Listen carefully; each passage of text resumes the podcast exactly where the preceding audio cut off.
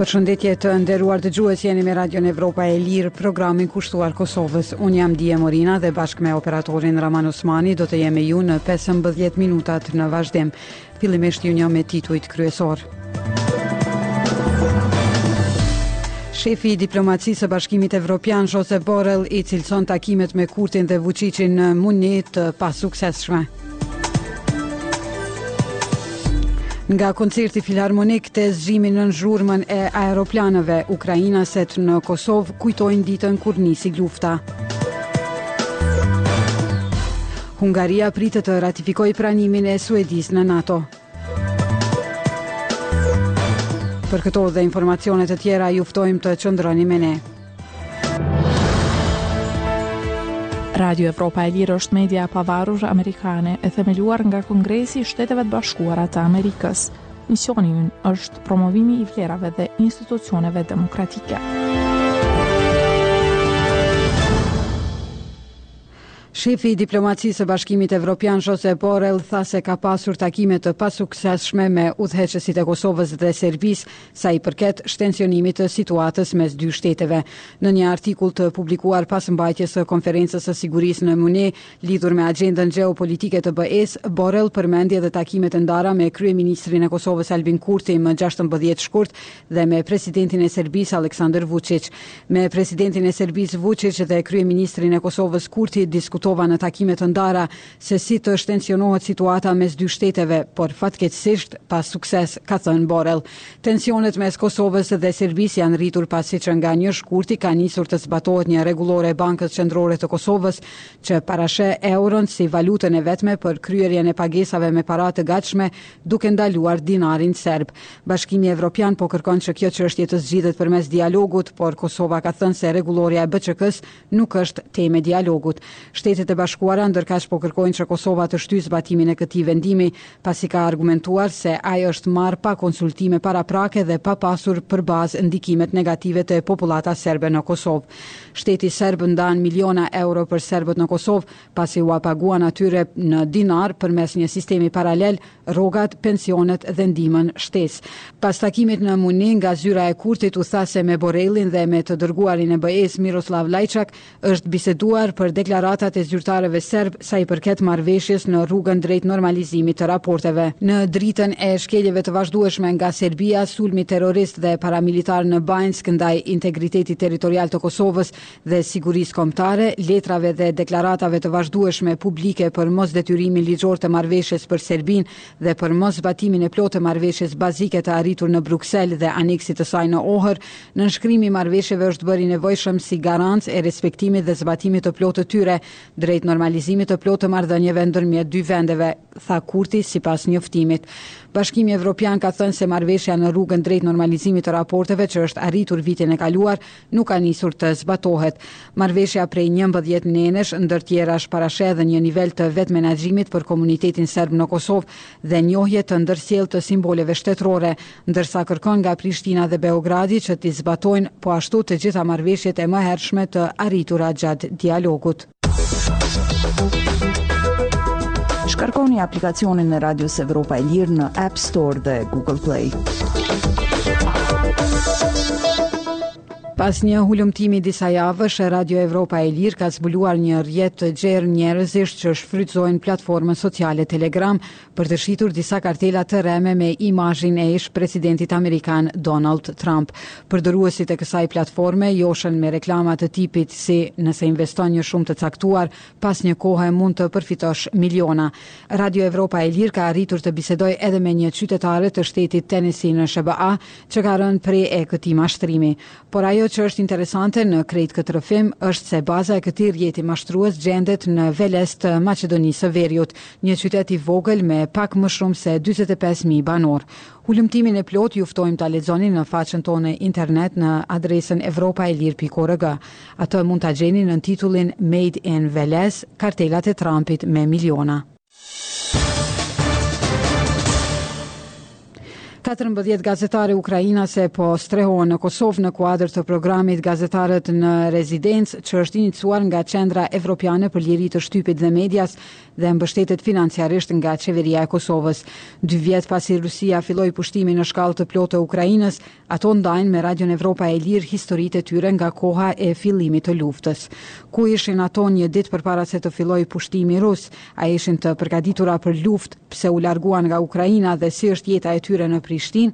Mësojmë nga kronika në vazhdim përgatitur nga Gentiana Kadriu. I woke up and heard the voice of planes. in my window. Pas një nate të bukur në një koncert filarmonie, Ludmila Makej u zgjua nga zhurma e avionëve që kalonin mbi dritaret e shtëpisë së saj në Ukrainën qendrore. Rusia kishte filluar të sulmonte në shkallë të plotë Ukrainën. Tentimi për të kontaktuar vajzën e saj në Kiev, kryeqytetin ukrainas, Ishte gjëja e parë që Ludmila bëri mëngjesin e njëzet e katër shkurtit të vitit dy mijë e njëzet e dy, por iu desh të priste tërë ditën që të mund të mësonte se ajo ishte mirë. Njëzet e katër shkurti ishte me ngjyrë të zezë, gri dhe të bardhë, nuk pashë ngjyra të tjera, thotë Ludmila në një bisedë me Radion Evropa e Lirë në Prishtinë. Doja ta evakuoja vajzën time nga Kievi, por nuk e dija si ta bëja. sepse nuk kishim asnjë mundësi. Vetëm në mbrëmje, ajo më telefonoi dhe më tha, Nënë, jam mirë, jam gjallë, thotë gazetarja ukrainase e strehuar në Kosovë prej prillit të vitit dy mijë e njëzet e dy, edhe pse nuk e priste të fillonte për luftën veçse po diskutohej në bisedat me shoqërinë e saj. I listened to music. I felt that this concert can be, could be the last concert. Dëgjova muzikë. dhe ndjeva se ky koncert mund të jetë koncerti i fundit në jetën time dhe kujtoj bisedën me kolegët dhe miqtë atë ditë, ndoshta ditën tjetër lufta mund të fillojë, thotë ajo. Një ditë më pas, thotë se ndodhi dita më e tmerrshme e jetës së saj. Nuk dinim si të reagonim, ku të fshiheshim, çfarë të bënim, thotë ajo, derisa tregon se fillimisht ishin larguar në një tjetër qytet për t'u strehuar. Kjo luftë e cila vazhdon, sipas Kombeve të Bashkuara mori jetrat e mbi dhjetë mijë civilëve në Ukrainë, kurse dyzet për qind e popullsisë ka nevojë për një lloj të ndihmës humanitare. Mbi gjashtë milionë njerëz jetojnë si refugjatë jashtë Ukrainës. Lufta në Ukrainë ka thyer familjen e saj, duke i ndarë në vende të ndryshme. Disa prej tyre u larguan në vende të tjera të Evropës, ndërsa të tjerë qëndruan në Ukrainë. Me insistimin e njërës vajzë të saj, që jetonte në Bratislavë të Sllovakisë, Ludmila iu bashkua asaj pak kohë pasi nisi lufta. Atje kishte lexuar për programin për gazetarë rezidentë, vendosi të aplikonte dhe në prill të vitit dy mijë e njëzet e dy erdhi në Kosovë. Gazetarët rezidentë është program i iniciuar nga Qendra Evropiane për Liri të Shtypit dhe Medias dhe mbështetet financiarisht nga Qeveria e Kosovës. Përmes këtij programi mundësohet strehimi i përkohshëm për gazetarët ukrainas. Në Kosovë, Ludmilës iu bashkuan edhe trembëdhjetë gazetare të tjera ukrainase. Në mesin e tyre është edhe Tatjana Kraselnikova, po ashtu nga Ukraina qendrore dhe Irina nga Çernihiv në veri të Ukrainës. Ende nuk mund të besoj se është e vërtetë, sepse është një situatë e tmerrshme. Shpresoj që të përfundojë me fitoren tonë, thotë Tatjana në një bisedë me Radion Evropa e Lirë, e cila në Prishtinë është bashkë me djalin e saj nëntëvjeçar. Një ditë para invazionit rus, ajo Kishte marrë pjesë në një festë me kolegët e saj. Të nesërmen, thotë ajo, kuptuan se ishte bombarduar klinika në të cilën do të operohej babai i saj.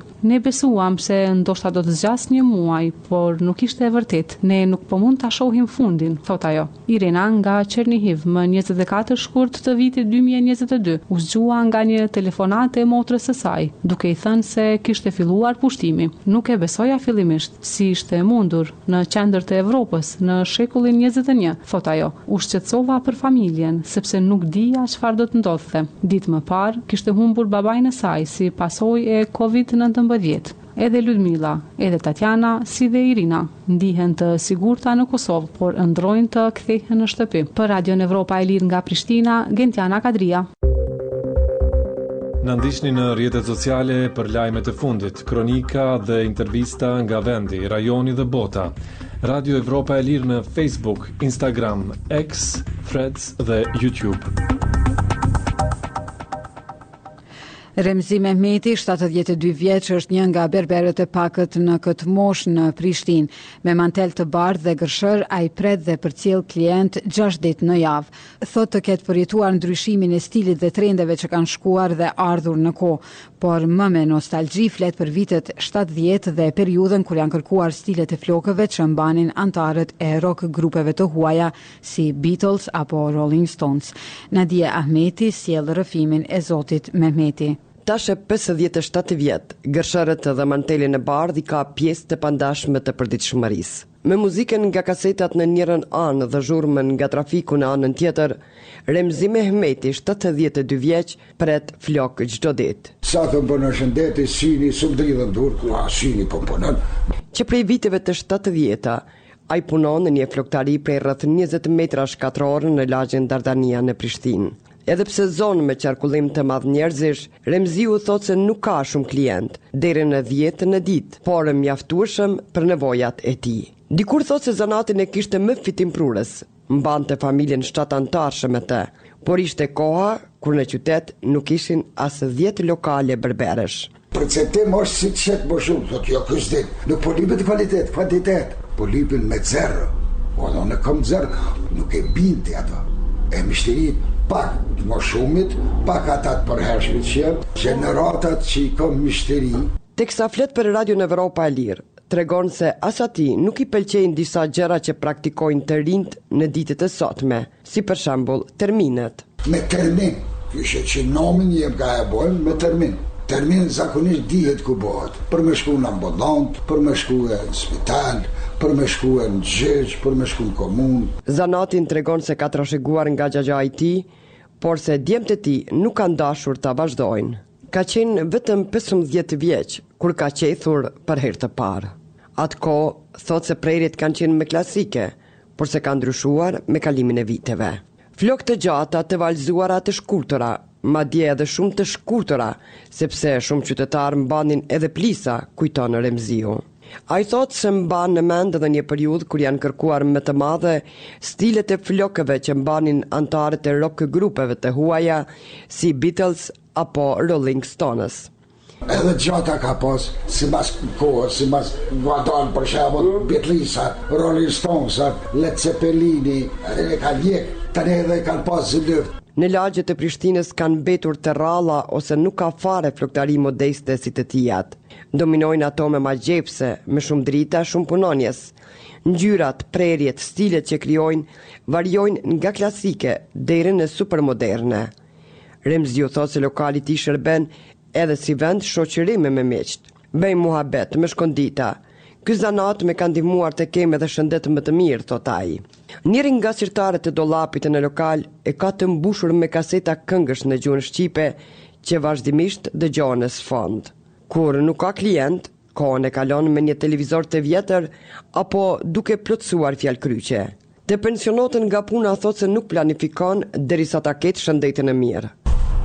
Edhe nja 40 vjetë du me shtimë thot me shaka berberi flokëbardhë.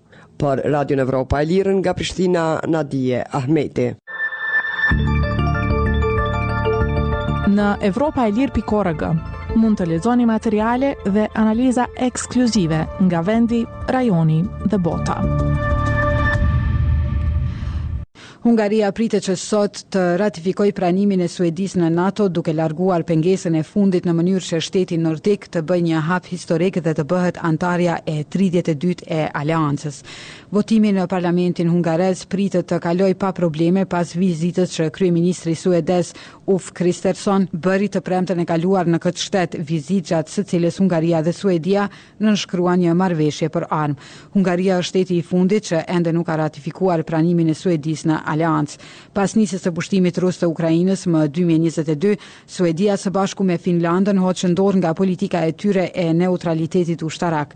Finlanda u bë anëtare e NATO-s vitin e kaluar, ndërkaq Suedia u përball me vonesa në ratifikim nga Turqia dhe Hungaria, shtete që kanë raporte të mira me Rusinë.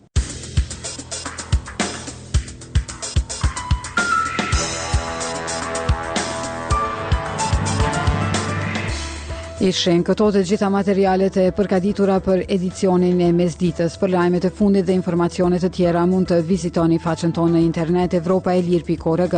Jemi aktiv edhe në rrjetet sociale Facebook, X, Instagram, Threads dhe YouTube. Deri në takimin tonë të radhës, mirëmbetshi.